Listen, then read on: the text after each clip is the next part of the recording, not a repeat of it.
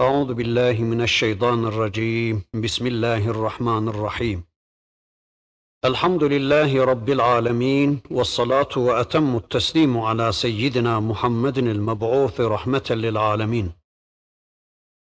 اللهم لا سهل إلا ما جعلته سهلا وأنت تجعل الحزن إذا شئت سهلا.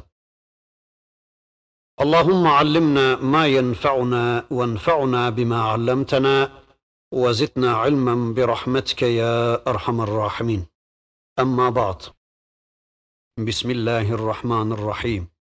والعاديات ضبحا فالموريات قضحا فالمغيرات صبحا فأثرن به نقعا فوسطن به جمعا. إن الإنسان لربه لكنود وإنه على ذلك لشهيد وإنه لحب الخير لشديد أفلا يعلم إذا بعثر ما في القبور وحصل ما في الصدور إن ربهم بهم يومئذ لخبير صدق الله العظيم Üzerinde durulması gereken her bir ayetin yapanlara, sabah sabah baskın düzenleyenlere yemin olsun ki فَاَثَرْنَ bihi nak'a Tozu dumana katanlara فَوَسَّدْنَ bihi cem'a Kalabalıkların düşman gruplarının ortasına kadar dalanlara yemin olsun ki innel insane li rabbihi lekenut. Muhakkak ki insan Rabbına karşı çok kenut davranıyor. Çok nankör davranıyor. Ve innehu ala zalike leşehid ve aslında insan kendisine kendisi şahittir. Yani bu durumuna insan kendisi de bizzat şahittir. Ve innehu li hubbil hayri leşedid mal konusunda da, mal toplama konusunda da insan gerçekten çok şedittir, çok güçlüdür, çok kuvvetlidir. Efela ya'lemu Böyle yaşayan, böyle düşünen kişi bilmiyor mu ki İza bu'thira ma fil kubur Yarın kabirler deşildiği zaman ne yapacak bu adam? Hussile ma fis sudur Bir de sinelerdeki, kalplerdeki duygular, düşünceler, niyetler, hedefler yarın ayrıştırılacak, açığa çıkarılacak. İnne rabbahum bihim yevme izin habir. Muhakkak ki o gün Rableri insanları, insanlar konusunda haberdardır. İnsanların yaptığı her şeyi bilmektedir. İşte Sure böyle ama her bir ayet üzerinde inşallah Rabbim bize ne dedi diye biraz biraz şerhte bulunalım, tefsirde bulunalım inşallah. Evet, Mekke'de inmiş ama mücahitlerin atlarına, mücahitlerin cihat ortamındaki at kişneyişlerine, atların solumalarına, tozu dumana katmalarına ve düşman gruplarının ta ortalarına kadar dalmalarına yeminle söze başlayan bir sureyle karşı karşıyayız. Surenin başındaki bu yeminlerle alakalı inşallah biraz sonra söz edeceğiz. Ancak tabi Mekke'de inen bir surenin böyle cihattan söz etmesi, mücahitlerin atlarını gündeme getirmesi, sabah sabah akın yapanlardan söz etmesi, düşman gruplarının ta ortasına kadar dalanlardan söz etmesi gerçekten şaşırtıcı bir ifade.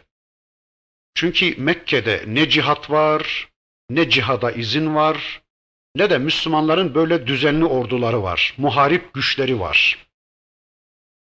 Mekke'de mücadele yok mu? Elbette Mekke'de mücadele var ama azınlıklar hukuku çerçevesinde bir mücadele var Mekke'de Müslümanların arasında. Yani böyle Müslümanların düzenli orduları da yok. Düşman gruplarının içine dalma imkanları, güçleri de yok. Lakin Müslümanlar yeryüzünün en güçlüleridir. Yeryüzünün en galipleridir. Çünkü göklerin ve yerin sahibi olan Allah'ın dininin müntesibi olarak Müslümanlar yeryüzünün en galipleridir. Yani tek kişi bile olsa Müslüman yeryüzünün en galibi, en güçlüsüdür. İşte Mekke'de gelen bir surede de Rabbimiz bu tür şeylerden söz ediyor. Bu şekilde anlamaya çalışıyoruz. Çünkü mesela Müddessir suresinde henüz peygamberimize hiç inanan kimse yok iken karısı ve birkaç Müslüman inanmış iken Allah diyor ki orada femehhilhum galila. Peygamberim bu kafirlere, bu zalimlere az biraz müsaade et diyor. Az biraz mühlet tanı peygamberim. Peki kim mühlet tanır?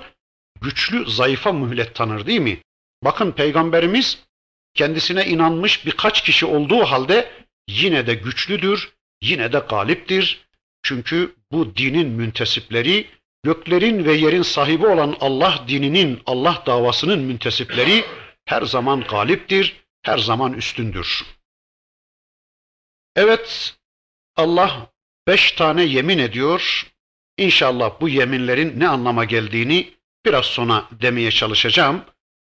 Bu yeminlerden sonra gerek yemin konularıyla alakalı gerekse yemin konularıyla sınırlı olmadan insanın Rabbına karşı nankör olduğu gündeme getiriliyor. Yani yeminlerin cevabı olarak Allah diyor ki innel insane li rabbihi lekenut. İnsan Rabbına karşı çok kenuttur, çok nankör davranıyor. Ve insanın bizzat bu davranışına kendisine şahit olduğu da gündeme getirildikten sonra insanın mala düşkünlüğü anlatılıyor. Mal kazanma konusunda çok güçlü olduğu, çok şiddet olduğu anlatılıyor. Sonra da kabirlerin deşileceği, sinelerdeki duyguların, düşüncelerin, niyetlerin hepsinin açığa çıkarılacağı gündeme getiriliyor. Evet, baştaki yeminlere bir daha dönüyorum. Vel adiyati dabha. Koşanlara, koştukça koşanlara yemin olsun ki fel muriyati kadha kıvılcım çıkaranlara, şimşek çaktıranlara yemin olsun ki sabah sabah akın yapanlara, tozu toprağa katanlara, sonra düşman gruplarının, kalabalıklarının içine kadar, merkezine kadar dalanlara yemin olsun ki. Kur'an-ı Kerim'de Rabbimizin böyle bazen sure başlarında, bazen sure ortasında yemin ettiğini biliyoruz. Biz de yemin ederiz. Vallahi billahi tallahi diye biz de yemin ederiz ama biz sadece en yüce olan Allah üzerine yemin ederiz. Başka bir şey üzerine yemin etmemiz caiz değildir. Allah da yemin eder ama Allah Allahça yemin eder. Allah'ın yeminleri bizimkilerden farklıdır. Bazen Allah kendi zatına yemin eder, bazen de mevcudatına, mahlukatına yemin eder. Bazen bir yemin, bazen iki, bazen üç, bazen burada olduğu gibi beş yemin var. Bazen Rabbimiz isimler üzerine yemin eder, bildiğimiz isimler üzerine yemin eder. Mesela Leyl üzerine yemin, gece üzerine, Tur üzerine yemin, Tin üzerine yemin, yıldızlara yemin, semavata yemin gibi Allah bizzat isimlere yemin eder. Bazen de burada olduğu gibi sıfatlara yemin eder. Şimdi bu yeminlerle alakalı demin de ifade etmeye çalıştım. Ecdat iki yorum yapmış. Birincisi başta ifade ettiğim gibi Rabbimiz surenin başında cihada yemin ediyor, mücahitlere yemin ediyor, mücahitlerin atlarına, at kişneyişlerine, tozu dumana katmasına yemin ettiğine göre, öyleyse demiş ki müfessirler, Rabbimiz bu yeminleriyle cihadı kutsuyor, mücahitleri kutsuyor. Allah cihada yemin ediyor denmiş. İkinci bir görüş daha var. O da şöyledir. Arafat ile Mina arasında hacıları taşıyan develerin hareketine Allah yemin ediyor deniyor.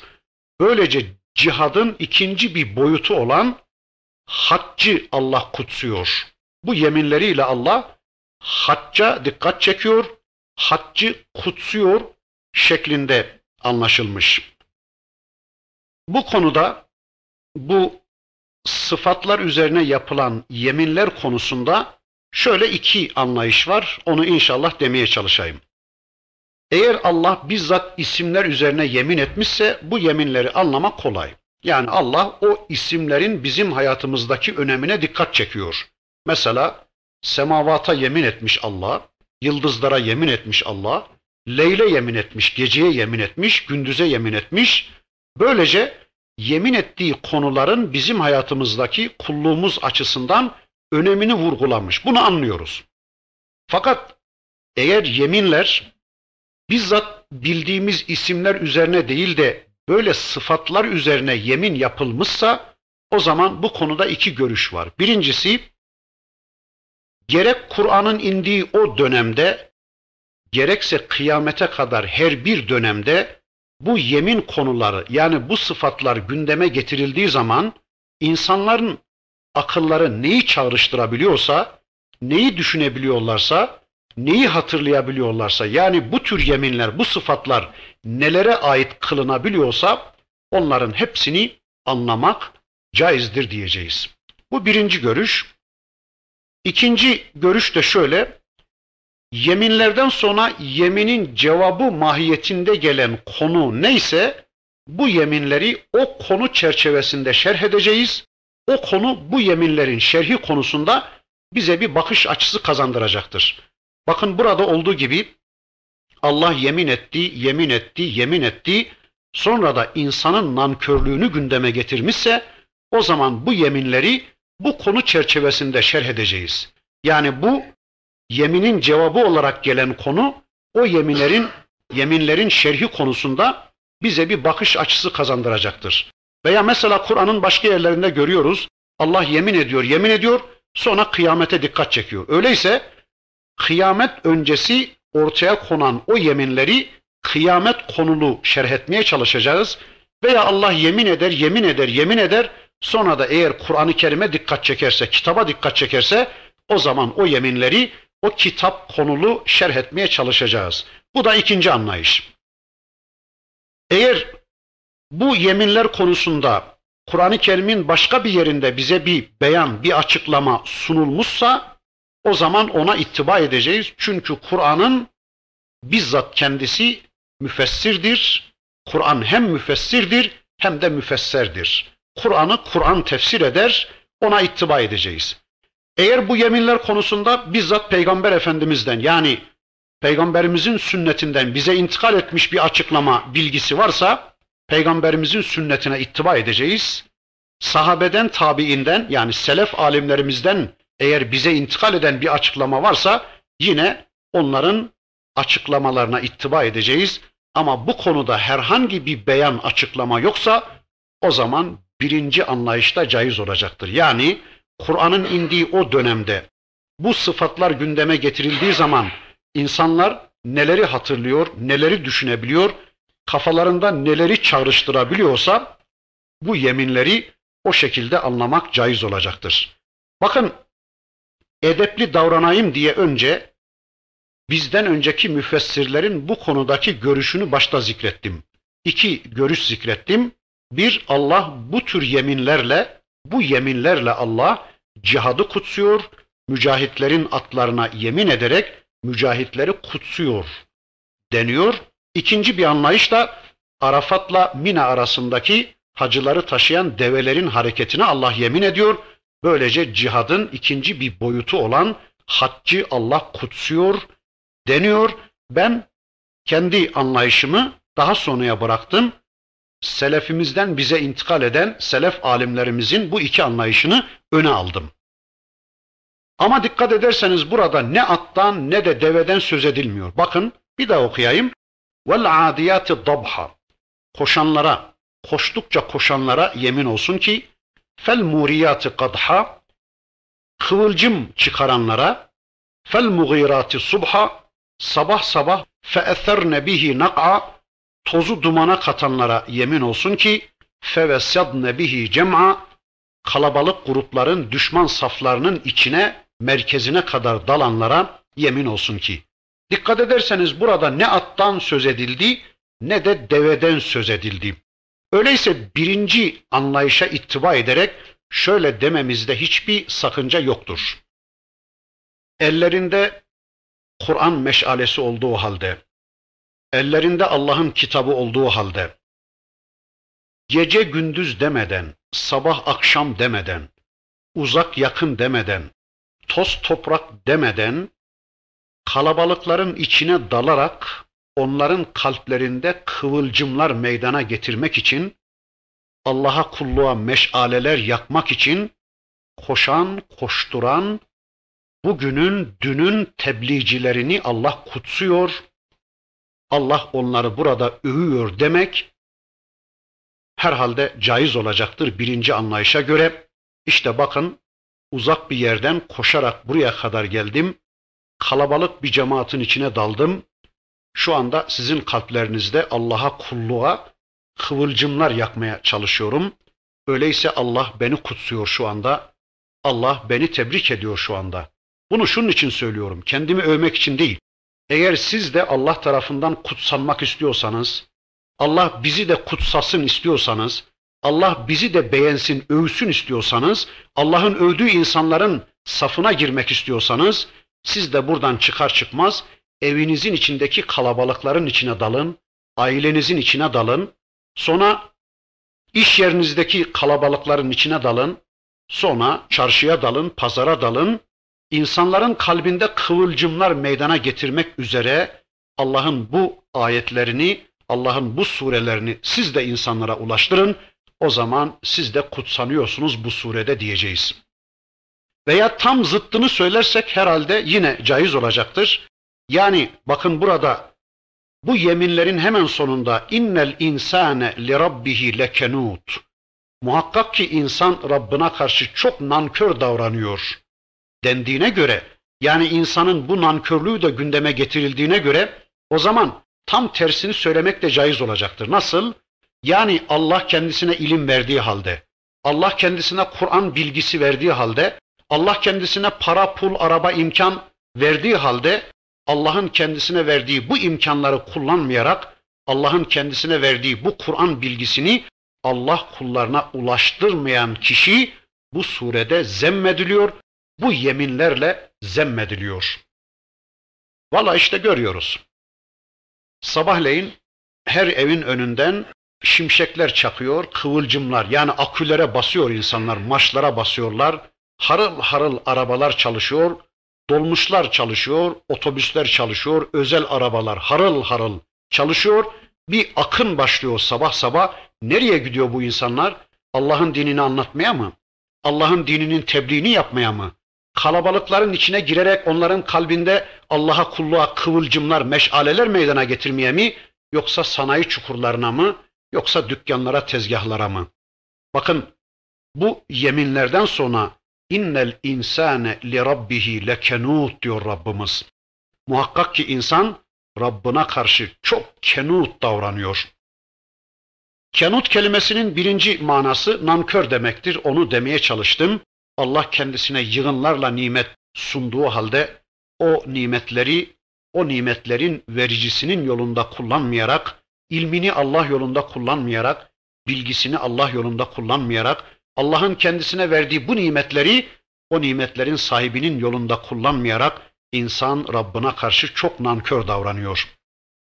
Kenut kelimesinin ikinci manası hem kendisini hem de çevresindeki insanları kulluktan, hayırdan men eden anlamına geliyor. Yani adam kendisini hayır yolundan men ettiği gibi çoluk çocuğunu, çevresini, etrafındaki insanları da hayırdan men ediyorsa işte bu kenut davranıyor demektir. Kenut kelimesinin bir üçüncü manası da çorak arazi demektir. Yani Allah yığınlarla yağmur yağdırdığı halde, yığınlarla rahmet gönderdiği halde o rahmeti, o yağmurları alıp da bitki bitirmeyen çorak araziye arzı kenut denir Arapçada. Yani bir adam düşünün ki Allah kendisine bu kadar ayet gönderdiği halde, bu kadar ayet duyduğu halde, bu kadar Kur'an ve sünnet bilgisine ulaştığı halde hala Allah'a kulluğa yönelmiyorsa, yani bitki bitirmiyorsa, amele yönelmiyorsa, imana yönelmiyorsa işte o kişi de Rabbına karşı kenut davranıyor demektir. Kenut kelimesinin bir dördüncü manası tek başına yiyen yani kendi yiyeceğini sadece kendisine tahsis eden, kendi yiyeceğini başkalarıyla paylaşmaya yanaşmayan kişi demektir. Bu da kenuttur. Yani kendi evine götürdüklerini çevresindeki Müslüman kardeşlerinin de evine götürme çabası içine girmeyen, kendisine ait olan şeyi sadece kendisi yemeye çalışan mümin kardeşlerine ulaştırma kavgası vermeyen kişiye yine kenut denir. Kenut kelimesinin bir başka manası da nimetleri unutan ama musibetleri sürekli gündeme getiren anlamına geliyor. Yani Allah kendisine yığınlarla nimet yağdırıyor, nimetleri unutuyor, hiç gündeme getirmiyor. Ama bazen bazen imtihan gereği Allah kendisine biraz biraz musibetler gönderse, mesela hastalık gönderse ya da dükkanına bir kesat verse ya da çoluk çocuğunun başına bir sıkıntı verse hemen onu gündeme getirir, ciyak ciyak öter, Allah'a isyan etmeye kalkar. İşte buna kenut diyoruz. Hani bir adamı 40 sene adam sırtında gezdiriyor. 41. sene bir saat kadar adamı sırtından indiriyor. Adam kıyameti koparıyor. Ya 40 sene gezdirdi ya seni sırtında. Bir saat indirdi diye niye isyan ediyorsun da yani Allah sana bu kadar nimet verdi. Bu kadar nimetiyle Allah seni perverde etti. Nimet verirken iyi, ses çıkarmıyor, nimeti unutuyor. Ama azıcık bir sıkıntı, azıcık bir bela geldiği zaman da işte hesabı kitabı şaşırıyor, abuk subuk konuşmaya başlıyor. Beni mi buldun ey Allah'ım diye Allah'a isyan etmeye kalkıyor. İşte bu kişi Rabbına karşı kenut davranan kişidir. Hani Kur'an-ı Kerim'de Rabbimiz bir ayeti kerimesinde öyle diyordu. فأما الإنسان إذا ما ابتلاه ربه فأكرمه ونعمه فيقول ربي أكرمن وأما إذا ما ابتلاه فقدر عليه rızkahu feyekulu Rabbi ehanen. Allah bir kulunu imtihan eder, ona ikramda bulunursa der ki Rabbim bana ikram etti. Ben buna layıktım, onun için Allah bana ikram etti. Ama Allah onu yine imtihan eder de rızkını kısı verir, kesi verirse bu defa isyan içinde der ki Rabbim bana ihanet etti. İşte bu kenut davranmak imiş. Yani nimetlere ulaştığı zaman ben buna layıktım, ben imtihanı kazandığım için Allah bütün bunları bana verdi der. Sanki nimete ulaşmayı imtihanı kazanmanın sonucu zanneder. Bu yanlıştır. Halbuki Allah'ın vermesi ayrı bir imtihan, alması ayrı bir imtihandır. Yani kişi ilim verilmesini, kendisine ilim verilmesini imtihanı kazanma sebebi sayıyorsa bu yanlıştır. Halbuki ilim verildiği anda imtihan yeni başlıyor. Yani kendisine ilim verilen bir adam ben Allah'ın sevgili kuluyum. Allah beni sevdiği için, ben imtihanı kazandığım için, Allah benden razı olduğu için bana ilim verdi demek yanlıştır. Çünkü ilmin verilmesi imtihanın yeni başlaması anlamına geliyor. Öyleyse ben benim kadar bilgi sahibi olmayanlara karşı kesinlikle hiçbir üstünlük iddiasında bulunmayacağım. O gençler diyeceğim benden 3-5 sene sonra dünyaya gelmişler Benden 3-5 sene sonra okumaya başlamışlar. Ben onlardan 3-5 sene evvel okumaya başlamışım. Hep, hepsi bu kadar diyeceğim. Yani ne onlar bana karşı alçaklık içinde ne de ben onlara karşı bir üstünlük içindeyim. Yani Allah'ın vermesi ayrı bir imtihan, alması ayrı bir imtihan. Önceki derslerimizde bu konuda epey bir şeyler söylemeye çalışmıştık. Yani Allah bir adama dil vermiş, diğerine vermemiş, tat yaratmış, Allah bir adama el vermiş, diğerine vermemiş, çolak yaratmış. Allah bir adama mal vermiş, diğerine vermemiş, onu fakirlikle imtihan ediyor. Ne o ona karşı üstün, ne de berikisi ona karşı alçak değil. Allah'ın vermesi ayrı bir imtihan, alması ayrı bir imtihan. İşte kenut olan kişi, Rabbına karşı kenut olan kişi bunu anlayamaz da kendisine nimetler geldiği zaman ben buna layıktım, Allah kendisini ikrama boğduğu zaman ben buna layıktım da onun için Allah bana verdi. Ya da ben imtihanı kazandığım için Allah bunları bana verdi. Öteki kişi de ben Allah'ın sevgili kulu olmadığım için Allah beni bunlardan mahrum etti. Ya da ben imtihanı kaybettiğim için Allah beni böyle imtihan etti dememelidir. Yani böylece kişi Rabbına karşı kenut davranmamalıdır. Bir de kenut mahiyetindeki insanların hakkını yiyen, onlara zulmeden, onların haklarını gasp eden kişidir deniyor. Yani dükkanında çalıştırdığı ya da evindeki çoluk çocuğuna karşı ya da işte memurlarına karşı, işçilerine karşı, çevresindeki Müslümanlara karşı, elinin altındaki insanlara karşı iyi davranmayan, onlara zulmeden kişi de Rabbına karşı kenut davranmıştır. Kimi insanlar görüyorum, para kazanıyor, dükkanında para kazanmasına sebep olan işçilerinin haklarını hakkıyla vermiyor, sonra para birikimini de Afganistan'a, işte Bosna'ya ya da şuraya buraya zekat diye, yardım diye, infak diye gönderiyor. Ya kimin parasını gönderiyorsun da? O para kimin parası? Senin dükkanda çalıştırdığın işçilerin parası. Onların alın teri para diye birikmişsen de sen onlara vermiyorsun. Sonra da uzak yerlere zekattı diye ya da infaktı diye para göndermeye kalkıyorsun. Yapmamız gereken şey eğer onlar sayesinde bu paraya ulaşmışsak, onlar sayesinde bu parayı kazanmışsak önce infak edeceğimiz yer, önce vereceğimiz yer o parayı sırtından kazandığımız işçilerimiz olmalı. Ben bir tane sanayici bilirim. Bir arkadaşım var. Dükkanında 15-20 tane çalışan işçi var. Ben bugüne kadar tanıdığım esnaf içinde işçilerine bu kadar iyi davranan bir arkadaş görmedim. Yani bayramlarda çift maaş verir. Çolukları çocuklar yani işçilerinin çoluğu çocuğu hasta olduğu zaman mutlaka hastaneye götürür. Arabasıyla ilgilenir. Gece gündüz onların yardımında. Ama buna rağmen geçen yıllar o arkadaşın arabasının modelini artırdı. Evini iki ise üçe beşe çıkardı. Arsası arttı, yemesi içmesi arttı. Ama 20 senedir tanıyorum. Onun dükkanına gidip gelen işçiler hala bisikletle gidip gelmeye devam ediyor. Burada bir sakatlık var. Yani burada bir durup düşünmek lazım. Üstelik bu arkadaş dükkanına da fazla uğramayan birisi. Altında bir araba gezer. Kim kazanıyor? Bu birikim nereden meydana geliyor? Onun dükkanında çalışan 15-20 tane işçinin alın teri birikiyor kazanç olarak. Bizim arkadaşın arabasının modeli değişiyor. Bizim arkadaşın evi 2 iken 3-5 oluyor ama dükkanındakiler hala bisikletle gidip gelmeye devam ediyor. Burada bir bozukluk var. Bazen soruyorum ben Müslümanlara ne veriyorsunuz? Valla diyor işte asgari ücret belli diyor. Yani devletin tespit ettiği ücreti veriyoruz. İyi kardeş da bunu Allah mı tespit etti? Yok. Bunu peygamber mi dedi? Yok. Geçinebilirsiniz diye devlet bir şey tespit etmiş. Bu adil de olmayabilir. Bu zulüm de olabilir. Peki bu işin doğrusu ne? Doğrusu şu. Benim anladığım. Müslümanlar bunu pek uygulamaya yanaşmıyorlar ama doğrusu şu. Kaç kişi çalışıyor dükkanda? Dokuz. Bir de ben on kişiyim. Dükkanın sahibi olarak on kişiyim. Aylık ya da yıllık kazancı ona böleceğiz. Onda birini ben alacağım. Onda dokuzunu öbürlerine vereceğim. E zaten evim var, arabam var ise ötekiler hala bisikletle gidip gelmeye devam ediyor ise ve benim evimi artıracak, arabamı artıracak ise o zaman böyle yapmak en doğrusu. Yani mahiyetindeki çalıştırdığı insanların haklarını gasp ediyor, onlara zulmediyor, onların haklarını yiyor. Hani bir hadis okumuştuk. 2-3 ders önce. Diyordu ki Allah'ın Resulü, dünyadaki hizmetçileri yüzünden cennetteki hizmetçilerini kaybedenlere yuh olsun.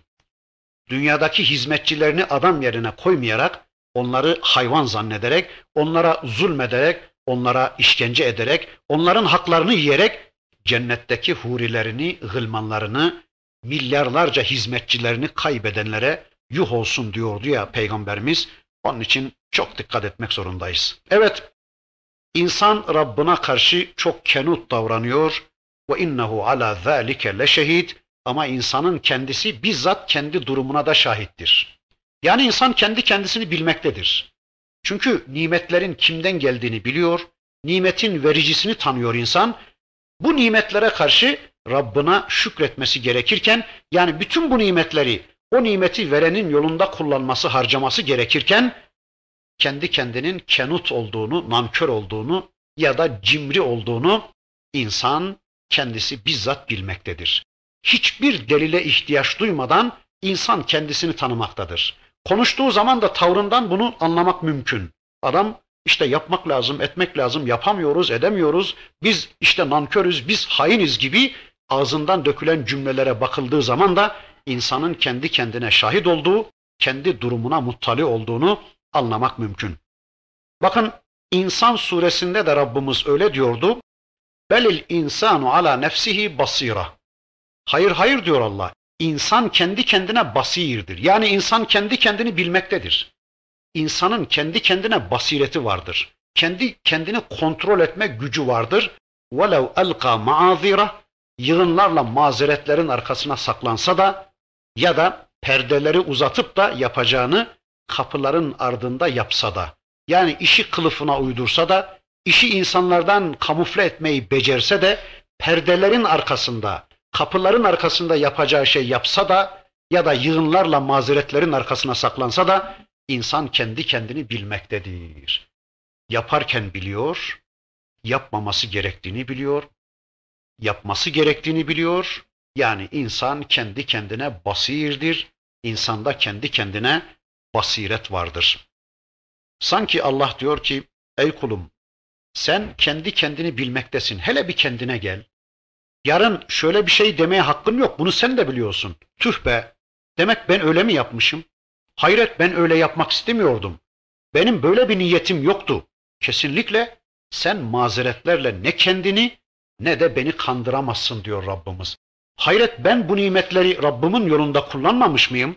Demek Allah'ın bana verdiği bütün bu nimetleri kendi keyfim istikametinde mi kullanmışım? Demek ben böyle mi yapmışım, ben böyle mi yaşamışım diye Yarın pişmanlık ortaya koyacaksın ama ben seni bugünden pişman olma özelliğinde yarattım.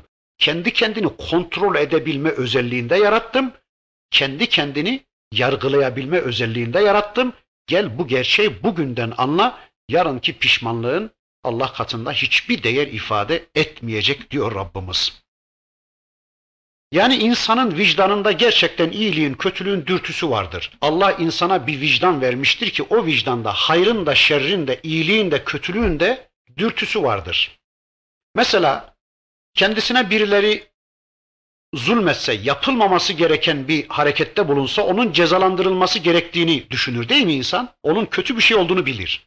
Peki kendisi aynen o beğenmediği tavrı gerek Rabbına karşı gerekse insanlara karşı yaptığı zaman vicdanı bunun kötü olduğunu bilmez mi? Elbette bilir. Yani insanın vicdanında iyiliğin, kötülüğün mutlaka hissi vardır, dürtüsü vardır. Mesela bir çocuk alsanız kimsesiz, onu büyütseniz, besleseniz, everseniz, yani her türlü ihtiyaçlarını karşılasanız, sonra da o çocuk sizin ekmeğinizi yediği halde size isyan etse, sizin dediğinizin tamamen zıttını yapmaya kalsa, sizi hiç kazımasa ne yaparsınız? Tekmeyi vurursunuz değil mi? Yani vicdanınızda o çocuğun yaptığı şeyin son derece yanlış olduğu duygusu vardır. Tekmeyi vurursunuz. Hain gözüne yüzüne dursun. Bu kadar zaman sana hizmet ettim, yedirdim, içirdim, büyüttüm, besledim, everdim ama sen hala bana nankör davranıyorsun diye tekmeyi vurur dükkandan ya da evinizden atarsınız değil mi? Yani kişinin vicdanında onun suç olduğunun bilgisi vardır, şuuru vardır. İşte Allah diyor ki ve innehu ala zalike leşehid.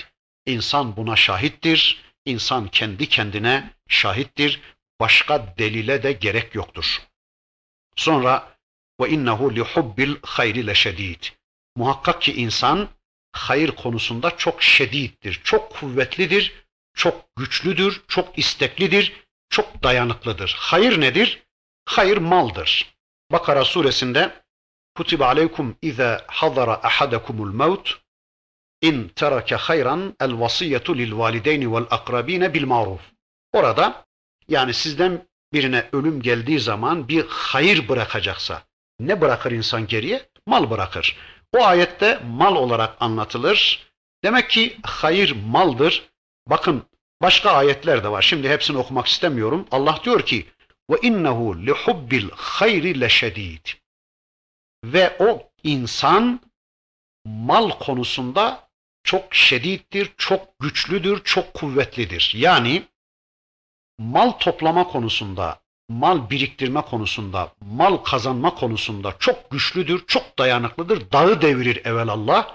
Yani o kadar kahrı çeker ama Allah'a kulluğa gelince çok zayıftır, çok güçsüzdür, çok isteksizdir diyor. Veya malı kazanma konusunda çok şedittir, çok güçlüdür, kuvvetlidir, isteklidir, arzuludur, dayanır, dayanıklıdır, kahır çeker ama o malı harcama noktasında çok zayıftır. Malı kazanırken gösterdiği güçlülüğü, ataklılığı harcarken göstermiyor. Öyle değil mi? Bir Müslümanın dükkanına gidiyoruz ya da gidiyorsunuz. Kardeş şuraya yardım et. Şöyle bir hizmet var. Ya da Allah rızası için malını infak et filan dediğiniz zaman vallahi yok ki diyor hocam ne verelim ya? Elde avuçta bir şey yok ki diyor. Bak işte borç, dert, senet filan ağlamaya başlıyor. Yok. Ne yapsın gariban? Yok ya. Olmayınca ne versin adam? Yok. Ama hava atmaya gelince mal var. Altına Mercedes çekmeye gelince malı var. Övünmeye gelince malı var. Evine enva çeşit nimetler götürmeye gelince mal var. Ama Allah yolunda harcamaya gelince mal yok. Yok. Zayıf diyor Allah. Yani kazanırken çok güçlü, hava atarken çok güçlü ama harcamaya gelince gayet zayıf ve isteksiz. Hani bu şuna benzer. Kimi Müslümanlara diyoruz, şu anda size de diyelim, kardeş bu sureyi evindeki çocuklarına bir anlat ya da çevrendeki Müslümanlara bir anlat deyince adam diyor ki vallahi hocam ben ha yani bu sureyi anlatacağım ha. Valla mümkün değil. Ben kim? Kur'an'ı anlamak kim? Ben bu sureyi mümkün değil anlatamam. Ne bilgimiz var ki anlatalım? Yani peynirin küflüsünü tespite gelince adamda ağız var ya da turşunun modelini tespite gelince ağız var attı mı ağzına 12'den vuruyor. Yok diyor bunda hayır yok. 12'den vuruyor ya da karıdan kızdan bahsetmeye gelince adamda ağız var ya da paradan puldan filan bahsetmeye gelince kazanmadan evden arsadan filan bahsetmeye gelince adamın ağzı kapanmıyor. Durduramıyorsunuz ama ayet anlatmaya gelince adamın ağzı yok. Ya da kazanırken malı var adamın, övünürken, hava atarken malı var ama harcamaya gelince malı yok. Bakın Allah diyor ki ve innehu lihubbil hayri leşedid. Kişi mal kazanma konusunda çok şedittir, çok kuvvetlidir. Yani dağı devirir evelallah, dayanır her şeye, bütün kahrı çeker, gece gündüz demeden koşturur, güçlüdür. Ama aynı malı harcamaya gelince ya da Allah'a kulluğa gelince adam güçsüzdür, adam zayıftır. İbni Ömer Efendimiz'den bir hadisi anlatayım. Sahabenin birisi Abdullah İbni Ömer Efendimiz'i bir gün takibe almış. Demiş ki nasıl yaşıyor? Bir günlük hayatını merak etmiş. Bir takip edeyim bugün demiş. Sahabenin birisi. Takip etmiş Abdullah İbni Ömer Efendimiz, Hazreti Ömer Efendimiz'in oğlu. Hem fakih hem müfessir. Pazarda alışveriş yapıyor. Ya bir şey alıyor ya bir şey satıyor. Tam hatırlayamıyorum, unuttum. Üç saat bir dirhem indirebilmek için üç saat uğraşmış, mücadele etmiş. Üç saat. Her iki sahabi peşinde takip ediyor. Üç saat sonra işte bir dirhem indirmiş, geçmiş. Az ileride bir köşeyi dönerken bir fakirin avucuna bir şey koymuş, hızlıca geçmiş. Her iki sahabi hemen fakirin elinden tutmuş, ne koydu diye bakmış. Üç dinar koymuş. Üç dirhem için üç saat uğraşmış ama fakirin eline bir saniyede üç dinarı atıp geçmiş gitmiş. Hayret etmiş sahabi, İbni Ömer Efendimiz'i yakalamış demiş ki, ey İbni Ömer, yani bir dirhem için üç saat pazarlık ettin, ben şahit oldum. Ama bir fakirin avucuna üç dinarı korken, üç dirhem nerede, üç dinar nerede, onu korken bir saniye bile durmadın. Vallahi diyor biz kazanırken o kadar uğraşırız ama harcarken hiç düşünmeyiz. Bir saniyede verir geçeriz. Yani gerçekten biz tersini yapıyoruz. Kazanırken güçlüyüz ama harcamaya gelince zayıfız, güçsüzüz, takatsiz, isteksiziz. İşte Allah bu bölümde bize bunu anlatıyor. Öyle olmayalım. Yani yığma adına, biriktirme adına yapmayalım da kazandıklarımızı Allah adına harcamaya çalışalım inşallah. Şimdi bakın diyor ki Allah, böyle düşünen bir adam, böyle yaşayan bir adam, hayatı böyle değerlendiren bir adam. Efela ya'lemu İza bu'thira ma fil kubur. Bilmiyor mu bu adam? Efela ya'lemu. Bilmiyor mu bu adam? Hiç bilgisi yok mu bu adamın? Hiç düşünmüyor mu? İza bu'thira ma fil kubur. Kabirler deşildiği zaman, kabirdekiler deşildiği zaman ne yapacak bu adam? Hiç düşünmüyor mu? Hiç hesap etmiyor mu? Öyle bir gün gelecek ki kabirler deşilecek. Ne demek? Kabirler toprak içindekileri kusacak, dışarıya atacak tahliye olacak. Ne için? Hesap kitap için. Yani bizi dışarıya atacak kabirler ve dışarıya atılan bizler hesap kitap için Rabbimizin huzuruna çıkacağız.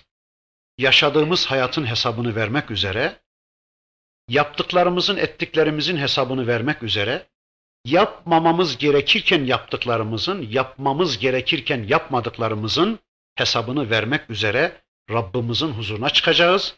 Ve hussile ma fis sudur. Bir de o gün kalplerdeki, sinelerdekiler de ortaya dökülecektir ya da ayrıştırılacaktır. Mahsal Arapçada kalbur demektir, elek demektir. Yani insanların kalplerindekiler elenecek, hayırdı şerdi, salih ameldi, gayru salih ameldi, onlar ayrıştırılacak. Yani elekten elenecek, kalburdan geçirilecek. Bakın, kabirler deşilecek, tüm ameller ortaya dökülecek, tüm ameller ortaya çıkacak, iyiler kötüler ayrıştırılacak. Bir de üstelik işte peygamberimizin bir hadisinden biliyoruz ki innemel a'malu bin niyat. Ameller üstelik niyetlere göre değerlendirilecek. Yani mücerret bir amel hiçbir değer ifade etmiyor. Önceki derslerimizde demeye çalıştık. Yani kişinin o ameli işlerken taşıdığı niyet gerçekten sahih bir niyet değilse yani Allah için bir niyet taşımıyorsa bunların hepsi boşa gidecek. Bakın kalplerin hasılası da devşirilecek diyor Allah. Ve hussile ma fis sudur. Kalplerdeki duygular, düşünceler, hedefler, planlar, programlar, ümniyeler, tasavvurlar, niyetler yani kalpte ne varsa şu anda dünyada örtülü olan şeylerin hepsi açığa çıkacak. Hani yevme tübles serair diyordu ya başka bir suresinde Rabbimiz düğüm düğüm her şey çözülecek. Yani bir adam düşünün ki işlediği bir ameli ıssız bir ormanda işlemişti, kimse görmemişti. Ya da adam işlediği bir ameli bir dağ başında işlemişti, kimse muttali olmamıştı, kimse duymamıştı.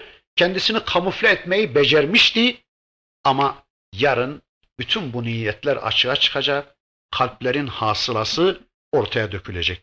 Kim hangi ameli ne için yapmış? Kim hangi ameli hangi niyetle yapmış? Kim Allah için yapmış? O amellerin yaptırıcısı kimmiş? Çevre miydi? Toplum muydu? Yönetmelikler miydi? Yasalar mıydı? Baba ana mıydı? Amir müdür müydü? Adetler miydi? Yoksa moda mıydı? Yoksa çevreyi razı etmek için mi yapmıştınız o ameli? Yoksa Zerdüş öyle buyurdu diye mi yapmıştınız? Birilerinin gözüne gireyim diye mi yapmıştınız? Bunlar dünyada gizli kalıyor. Çoğu zaman işte kıyamete kalıyor çoğu niyetler kıyamete kalıyor. İşte Allah diyor ki o gün perdeler kaldırılacak. O gün sırlar düğüm düğüm çözülecek ve insan bir ameli ne için işlemişse, kim ne için yaşamışsa, kim neyi elde etmek için koşturmuşsa, kimin hedefi hayattayken neyse sonunda işte onlar açığa çıkacak. Ya da bir başka ifadeyle tabi amel defterleri ortaya dökülecek anlamına geliyor. Hani Casiye suresindeydi. Hâzâ kitabuna yantıku aleykum bil hakkı inna kunna nestensihu ma kuntum ta'melun diyordu Rabbimiz. İşte bu kitap sizin lehinize ya da aleyhinize konuşacaktır. İnna kunna nestensihu ma kuntum ta'melun yaptıklarınız her şeyi, yaptığınız her şeyi biz istinsak ediyorduk. İstinsak bir kitaba bakarak kitabın aynısını meydana getirmenin adına istinsak denir. Veya bir kitabın kopyasını yapmanın adına istinsak denir. Öyleyse Allah da öyle diyor. Biz dünyadayken sizin amellerinizi istinsak ediyorduk. Yani sizin işlediğiniz amellerin aynını bizzat defterlerinize yazıyorduk diyor Rabbimiz. Öyleyse o gün kimseye zulmedilmeyecek. İnsan amelleriyle karşı karşıya kalacak. Hatta o amelleri işlerken taşıdığı niyetleriyle o amelleri değerlendirilecek. Böylece bütün ameller, insanın yapıp ettiği her şey ortaya dökülecek, açığa çıkacak. Ondan kaçma imkanımız olmayacak. Hatta insanlar diyecekmiş, keşke şu amelleri ben işlememiş olsaydım. Keşke içimdeki bu niyetleri taşıyan ben olmasaydım. Keşke şu amellerimle benim aramda yıllarca mesafe olsaydı. Keşke bu amelleri işleyen ben olmasaydım diye yerden yere insanlar kendilerini vuracaklar. Ama Allah'ın melekleri diyecek ki siz kokladınız, biz topladık diyecekler. Nasrettin Hoca'nın eşeğinin hikayesini bilirsiniz. Bir yere gidiyormuş hoca eşeğiyle birlikte. Eşeğin huyudur işte adetidir. Yolda bir pislik görünce kokluyormuş. Hoca da onun kokladığını topluyormuş torbaya. O kokluyor, hoca topluyor, o kokluyor, hoca topluyor. Ve nihayet varacakları yere varıyorlar. Hoca işte topladığı o torbayı merkebin boynuna asıyor. Al bunu yemek zorundasın. Sen kokladın ben topladım diyor. E işte biz işliyoruz, biz kokluyoruz, melekler topluyor. Biz yapıyoruz, biz yaptırıyoruz, biz yazdırıyoruz. Melekler sağımızdaki, solumuzdaki melekler önceki bir dersimizde demeye çalışmıştım. Sanki şu anda bizim elimizdeki yazı yazdığımız kalem mesabesinde ya da daktilonun tuşları mesabesinde biz istediğimiz tuşa basıyoruz. Tuşlar da yazıyor, kalem de yazıyor ya. O yazı bittikten sonra bunu kim yazdı diye sordukları zaman bunu daktilo yazdı demiyoruz ya da bunu kalem yazdı demiyoruz. Ben yazdım, biz yazdık diyoruz ya. İşte biz de sağımızdaki solumuzdaki meleklere yazdırıyoruz. Aslında yazan da biziz, yazdıran da biziz.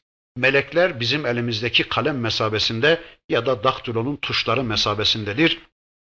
Ne kadar da kaçmaya çalışırsak çalışalım, ne kadar da bütün bu amellerden kurtulmaya çalışırsak çalışalım, o ameller bizim amellerimiz. Allah onları dünyada istinsah ediyor ve yarın onlarla bizi sorgulayacak. Son ayetinde de Rabbimiz şöyle buyuruyor. İnne rabbahum bihim yevme izin lahabir. Şüphesiz ki Rableri o gün onlardan haberdardır. Onların yapıp ettiklerinden haberdardır. Yani kıyamet günü Rabbimiz tüm insanların yapıp ettiklerinden haberdardır. Amenna ve saddakna. Lakin yani acaba sadece kıyamet günü mü Allah bizim yapıp ettiklerimizden haberdardır? Bugün haberdar değil mi Allah bizim yapıp ettiklerimizden? Elbette bugün de haberdar ama haberdar olduğu konunun gereğini yerine getirmeyi Allah kıyamete tehir etmiştir.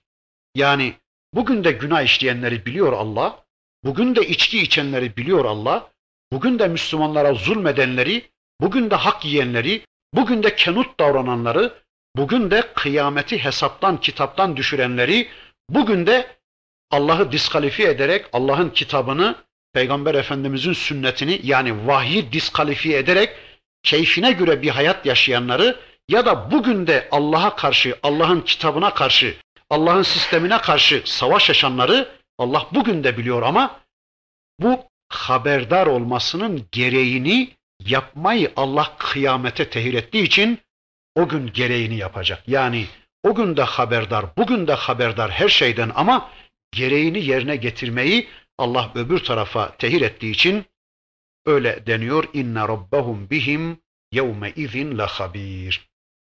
O gün Rableri onların yapıp ettiği şeylerin hepsinden haberdardır. Az evvel de geçti zaten Allah haberdardır ve innehu ala zalike leşehid ifadesini kimileri şöyle anlamışlar. Buradaki hu zamiri Allah'a racidir demişler. Ve innehu ala zalike leşehid insan kenuttur, insan cimridir, insan nankördür ifadeleri kullanıldıktan sonra ve innehu ala zalike leşehid şüphesiz ki Allah ona şahittir şeklinde anlayanlar da olmuş. Yani o hu zamirini bizzat insanın kendisine raci değil de Allah'a raci olarak anlayanlar da olmuş. Ama ayetin devamına bakılırsa yani Arapça kaidesine göre bu zamirler bir üstüne en yakın zamire irca edilir. Yukarıda da Allah demişti li rabbihi denmişti orada. Ona havale edilmiş ama ayetin ondan sonraki bölümünde de ve innehu li hubbil hayri le şedid diye o hu zamiri insana atfedildiğine göre işte insan kendi kendine şahittir şeklinde de anlıyoruz. Allah insanın yapıp ettiklerini görmektedir. Allah insana şahittir şeklinde de anlıyoruz. Yani insan kendi kendine şahittir. Demin de ifade ettiğim gibi وَلَوْ أَلْقَى مَعَذِرَهُ yığınlarla mazeretlerin arkasına saklansa da ya yapamıyoruz, edemiyoruz, imkanımız yoktur. İşte başımızda çok zalim bir idareci var onun için fırsat vermiyor ya da param yok, pulum yok, ilmim yok, vaktim yok, arabam yok, imkanım yok, yok yok yok filan diyoruz ya fırsat bulamadık filan diye yığınlarla mazeretlerin arkasına saklanıp kendimizi kulluktan uzaklaştırmaya, azade tutmaya çalışıyoruz ya yığınlarla mazeretler uydursanız da aslında siz kendi kendinizin suçlu olduğunuzu bilmektesiniz. Çünkü Allah insana böyle bir fıtrat vermiştir ve bu fıtratı da yarın insanın aleyhinde şahitlik edecektir. Yani insanın fıtratı bizzat insanın aleyhinde şahitlikte bulunacaktır. Evet. Sureyi baştan sona bir daha okuyorum. Kısa bir özet yapıyorum. Hafızalarımızda canlı olarak kalsın diye. Ondan sonra bu bu dersimize son vereceğiz inşallah. Vel adiyati dabha. Koşanlara, koşturanlara. Fel muriyati kadha. Kıvılcım çıkaranlara, kıvılcım saçanlara. Şimşek çakanlara, şimşek çaktıranlara. Fel mugirati subha. Sabah sabah akın edenlere. Fe eserne bihi nak'a.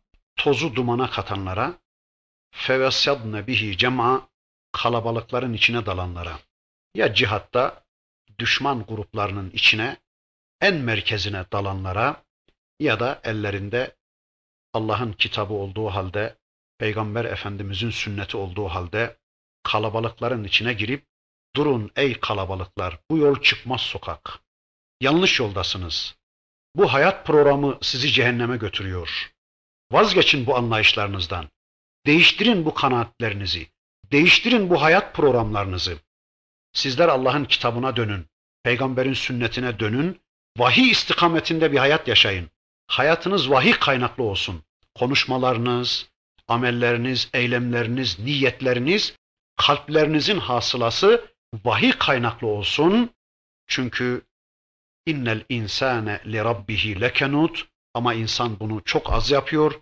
İnsanoğlu Rabbine karşı kenuttur, nankör davranıyor. Ve innehu ala zalike leşehid ve kendisi de buna şahittir. Ya Allah insanın bu durumuna şahittir. Allah her an insanı kontrol ediyor. Her an Allah kontrolü altındayız. Ya da insan kendi vicdanıyla bu işe şahittir. Kendi kendisini yargılayacak gücü vardır. Sorgulayacak gücü vardır.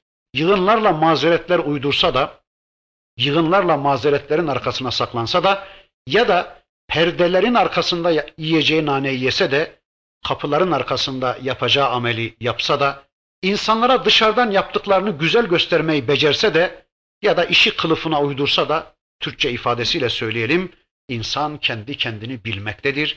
Kendi kendini kandıramaz biçimdedir.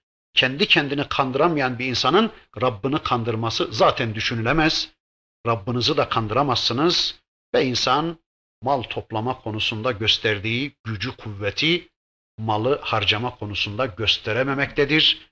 Zaten kenut olusu da bu cimriliğinden kaynaklanmaktadır. Her şey kendisine yönelik olsun ister insan. Me'arişteydi galiba. İnnel insane huluka helu'a iza massahu şerru cezu'a ve izâ messehul hayru menua. Öyle diyordu Allah. İnsan helu yaratılmıştır. Yani cimri yaratılmıştır. Hotfuruştur. Her şeyi kendisine yontmak ister. İster ki her şey kendisine hizmet etsin. Her şey kendisine yönelik olsun. Kendisine bir İza messehu şerru cezua bir şer, bir kötülük isabet ettiği zaman ciyak ciyak ötmeye başlar, isyan eder ama kendisine bir hayır ulaştığı zaman da yani bir mal ulaştığı zaman da men ediverir.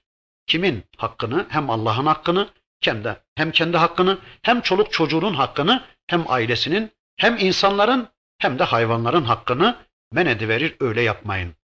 Yani kazanırken güçlü olduğunuz kadar harcarken de güçlü olun. Hatta daha fazlasıyla güçlü olun.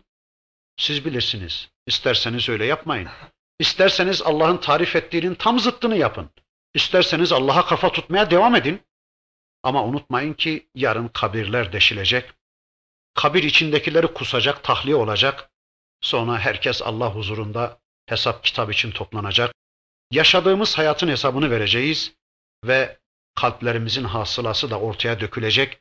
Niyetlerimiz de açığa çıkacak. Gizli hiçbir şeyimiz kalmayacak. Her şey düğüm düğüm sır sır çözülecek ve Rabbimiz o gün yapıp ettiğimiz her şeyden haberdar olacak. Dünyada da haberdardı Allah ama o gün gereğini yerine getirecek. Öyleyse Allah'ınızın aşkına bu surede anlatılanlar istikametinde bir hayat yaşayalım. Böylece inanalım, hayatımızı böylece bu imanla düzenleyerek Allah'ın rızasını kazanmaya çalışalım. Allah hepinizden, hepimizden razı olsun. Gelecek dersimizde inşallah Zilzal suresini çalışır gelirsiniz. Velhamdülillahi Rabbil Alemin. El Fatiha.